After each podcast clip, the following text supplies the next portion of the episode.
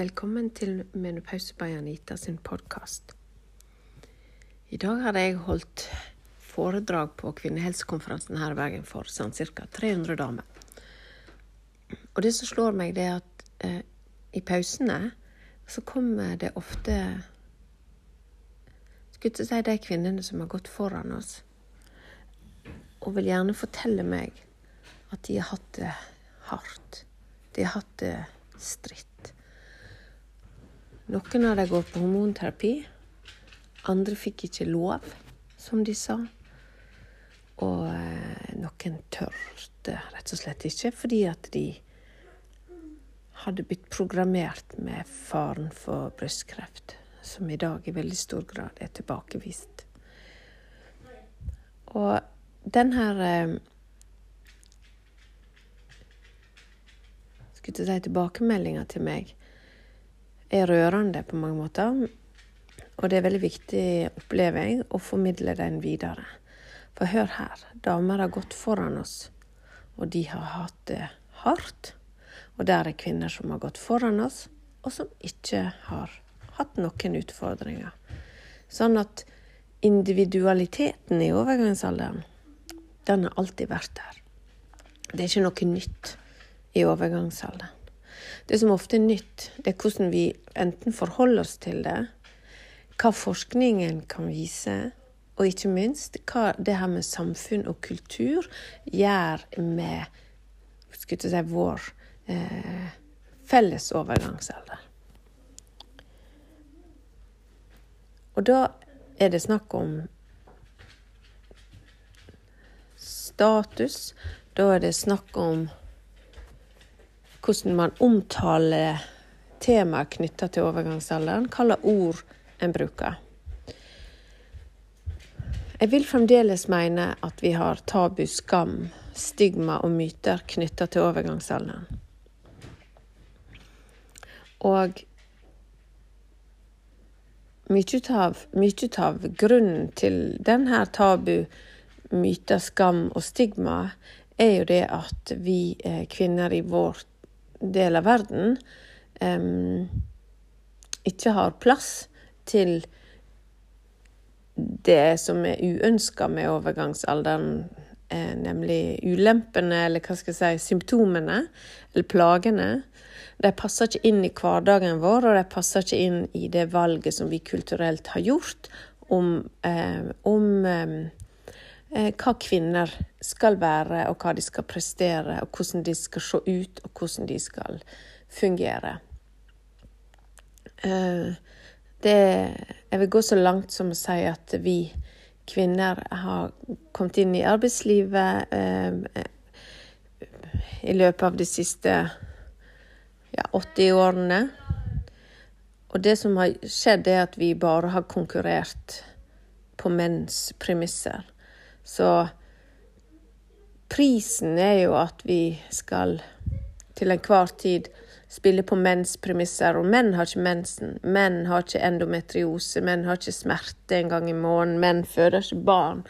Menn har ikke eh, søvnløse måneder mens de ammer. Eh, de har ikke hormonelle endringer.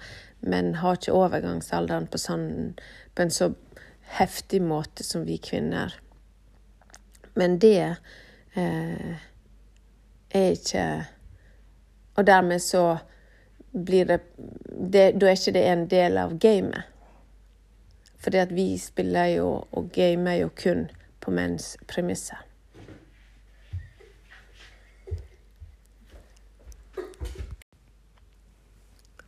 Og det tenker ikke jeg på som um, fullblods likestilling. Det tenker jeg på som en uh, viktig del av det her med hvordan vi driver vårt samfunn. At kvinner og menn er jobb, driver samfunnet vårt. Og at vi kvinner og menn settes på, skulle si, vurderes på lik linje og behandles likeverdig med respekt. Men det opplever ikke jeg da, når vi ikke adresserer den kvinnelige kroppen, og hvordan den tross alt forandrer seg gjennom et liv. Så jeg har mer eh, troa på likeverd, og jeg tror at eh, skal vi kvinner nærme oss reell likestilling, så må vi snakke om likeverd. Og i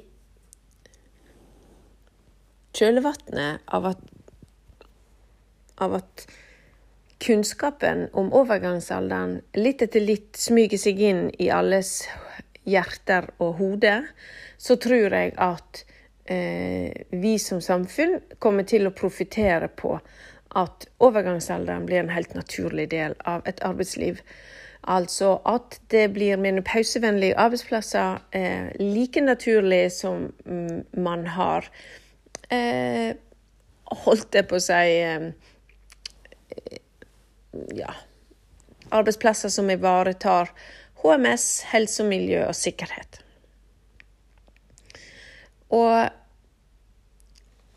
og det å se ting i retrospekt er jo kanskje en av de utfordringene som gjør at en kanskje tenker at vi Og tilbake til eh, kommentarer som jeg får, både på foredragene mine, men òg inn i nett eh, nettsamfunnene mine, holdt jeg på å si, Instagram og Facebook. Veldig ofte så forteller kvinner meg at hadde de visst det som jeg har delt, og det er den kunnskapen som jeg formidler før, så, så hva kunne ikke de ha vært spart av ubehag, problemer, utfordringer og ja, hva skal jeg si sorg over tapte år med unødvendig lidelse. For det er jo akkurat det jeg mener er viktig. Hvis vi skal, hvis vi skal komme fremover i samfunnet vårt, hvis, vårt, hvis vi skal bære fremtida, så er vi nødt til å få um, et godt system på kvinners overgangsalders tilgang på kunnskap, tilgang på helsetjenester, tilgang på valg. Tilgang på det de har lyst til å navigere sin overgangsalder eh, gjennom.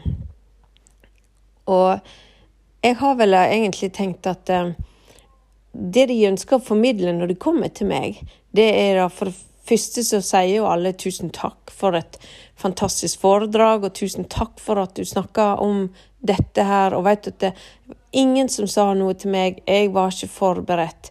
Hadde jeg visst, hadde jeg visst det her før, så kunne jeg ha gjort noe. Um, og, og, jeg tror det er mange som har lidd unødvendig lenge, nettopp fordi at de ikke visste, og nettopp fordi det ikke, der ikke er åpenhet om, om, har ikke vært åpenhet om temaet. Og dermed så går vi glipp av erfaringskunnskapen som kvinner sitter inne med. Og så har vi da den cocktailen med at man har jo ikke forska på det.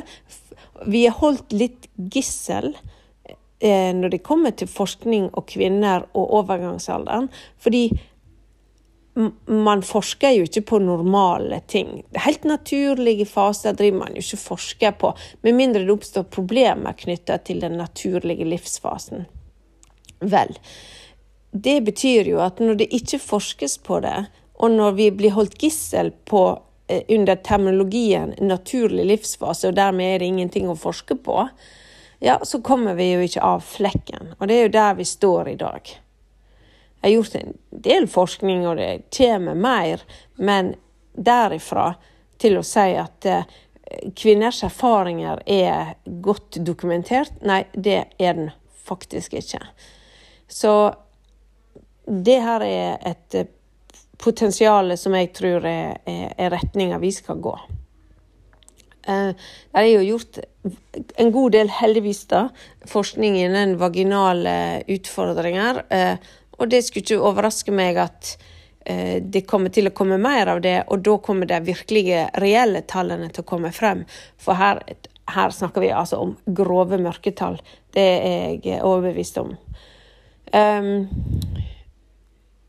og det som overrasker meg veldig masse, det er at jeg, jeg forstår ikke helt hvordan det går an at, um, at vi ikke har klart i søsterskapet å få på plass dette her med vaginale urogenitalie problemer. Altså at eh, kvinner i, i, ung alder får tørre slimhinner.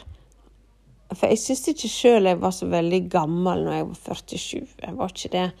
Eh, og jeg hadde veldig Hadde også tørre slimhinner, husker jeg, når jeg var eh, noen og 40, eller 40 pga. fødsel og amming. For når du ammer eh, og så og er barselkvinne, så um, holdes altså hormonnivåene veldig lave. Og dermed så kan du egentlig få litt sånn symptomer på, på i vaginalt, f.eks. Som tørre slimhinner og sånt. Og det her med å ikke kunne sykle, ikke kunne trene, ikke kunne bevege seg, og så tro at sånn skal det være, og sånn må det være, for jeg er kvinne, og alt skal være en lidelse, det er feil. Det er feil, og det er feil. Um, jeg skulle ønske jo selvfølgelig da at vi hadde et arsenal av alternativer å velge mellom. Jeg skulle ønske vi hadde et arsenal av forskningsbasert tilbud. Forskningsbasert dokumentasjon på hva som virker, og hva som er penger ut vinduet. Eh, lokalt tilført østrogen, altså en bitte liten østrogenpille som du setter opp i skjeden, eller en østrogenkrem som du setter opp i skjeden, eller en eh, tilsvarende. Um, inneholder en sånn vaginal tablett som du tar to ganger i uken, inneholder til sammen hvis Når du brukt det i ett år, så tilsvarer det en vanlig hormonterapitablett. Og det er jo helt eh, så det er så svakt. Det er ultralav dose. Og Allikevel skal kvinner tenke at det er hormonterapi å ta den pillen opp i skjeden. Kvinner tror fremdeles at det er hormonterapi, fordi det står definert som hormonterapi. Men jeg synes at den, si, den beskrivelsen burde nyanseres og, og uh, beskrives bedre. Uh, og Kvinner tror fremdeles at de kan få brystkreft av det. Og blodpropp. Og ei kvinne som kom til meg og sa at hun fikk brystkreft av den grunn. Og da blir jeg litt lei meg, for jeg, jeg eh, tenker så trist at du føler det sånn. Så trist at du føler så, så sterkt og vondt om lokalt østrogen. Og det er veldig trist å høre at man har, har den opplevelsen. For det er jo tilbakevist. Eh, så noen er overbevist om det her, og jeg, det gjør Jeg kan ikke gjøre så mye med det, jeg kan ikke begynne å korrigere på det, men jeg vil at vi skal sette punktum på sånt skremsels skremselsformidling. Fordi at hun mente ikke å skremme meg, hun mente oppriktig talt at det var det hun var blitt fortalt. Og vi har så mye helsepersonell som er så lite kunnskapsrik om overgangsalderen at når jeg nå begynner å kalle meg en menopauseekspert, så tror jeg faktisk at jeg kan gjøre det med heva hode. For det er veldig mange dyktige helsepersonell, leger og gynekologer, det er ikke det jeg mener. Men generelt så er det altså ikke, ikke en det er ikke oppe og fremme i hverdagen. Det er lite i utdannelsene, og det er veldig lite i, i, eh, i, i se, Både i oppdateringer innenfor kurs som helsepersonell kan ta.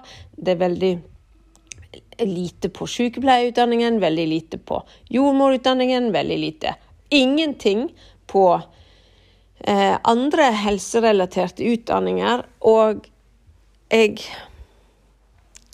mener at jordmødre er de rette til å støtte og gi kvinner eh, menopauseomsorg. Og dersom de trenger medisinsk behandling, så skal jordmor kunne hjelpe og henvise og, og hjelpe de til å kunne få en vurdering på det. Så det å skulle ha, skulle ha visst for fem år siden, det tror jeg er clouet eh, med dagens sending. Jeg skulle ha visst. Og det du skal vite i dag, det er jo at Eh, du må vite at overgangsalderen er en naturlig livsfase som for en tredjedel av alle kvinner har, kan ha store konsekvenser for helsa, både fysisk og psykisk. For en tredjedel av kvinnene kan det ha moderat konsekvens for helse, fysisk og psykisk. Og for en tredjedel så kan det ha lite eh, påvirkning på helse, fysisk og psykisk. Og bare fordi du ikke har hetetokter og ikke har så masse andre symptomer, så må du ta aktiv holdning til du har fremdeles risiko for beinskjørhet, fremdeles risiko for hjerte-karsykdom, fremdeles risiko for kognitiv svikt og for de eh, skulle jeg si, eh, langvarige konsekvensene av lave kjønnshormoner resten av livet når du har kommet over i postmenopausen. Eh, så når du vet det, så må du vite at det der er masse redskaper i verktøykassa di. Og jeg på mine kurs gir rett og slett full oversikt over denne verktøykassa. Gir deg alle redskapene, gir deg alt du trenger. Og jeg bidrar dermed inn til å, å, å løfte ditt kunnskapsnivå mye kjappere enn du ville trodd var fysisk mulig på den korte tida det er et digitalt kurs. Men det er akkurat det som er poenget, at istedenfor å bruke årevis med i fortvilelse, årevis med å ikke forstå og ikke vite og ikke sløse med livet og årene, så kunne du på løpet av åtte uker bli ekstremt kompetent eh, til å styre din egen overgangsalder. Og det er klart det at eh, mange tenker ja, ja, men jeg får det vel ikke så hardt. Men det kan ikke vi vite, og det er helt tilfeldig. Og det er ikke din feil om du får det hardt, og det er ikke din fortjeneste om du får det lite. Det er noen andre faktorer som vi trenger å få avklare hva det er som kan gjøre det. Kan hende det genetisk, kan hende det livsstil, kan hende det flaks, kan hende det er helt helt tilfeldig. Så dette må vi ha mer kunnskap om. Og det må vi få gjennom kunnskap, eh, forskning, mellom erfaringskunnskap gjennom forskning, og ikke minst at du deler alt det arbeidet som jeg gjør, sånn at vi når den ene søstera vår som trenger å høre det her. Runde av for deg, for deg nå. Jeg skal eh, av gårde holde en sending på eh, Blomstrende overgangsalderskurset mitt, eh, den gjengen som går der nå. Vi skal snakke om eh, det med å være sin egen helsemester, det å være sjefen i egen overgangsalder og alle alternativene man har å velge mellom. Gå inn på nettsida mi minepausebyanita.com om du vil vite mer, og om du trenger en, eh, en støtte og hjelp fra meg, så kan du òg få det på mange andre måter. Jeg er her for deg. Øk egenomsorgen og ta godt vare på deg sjøl. Ha det!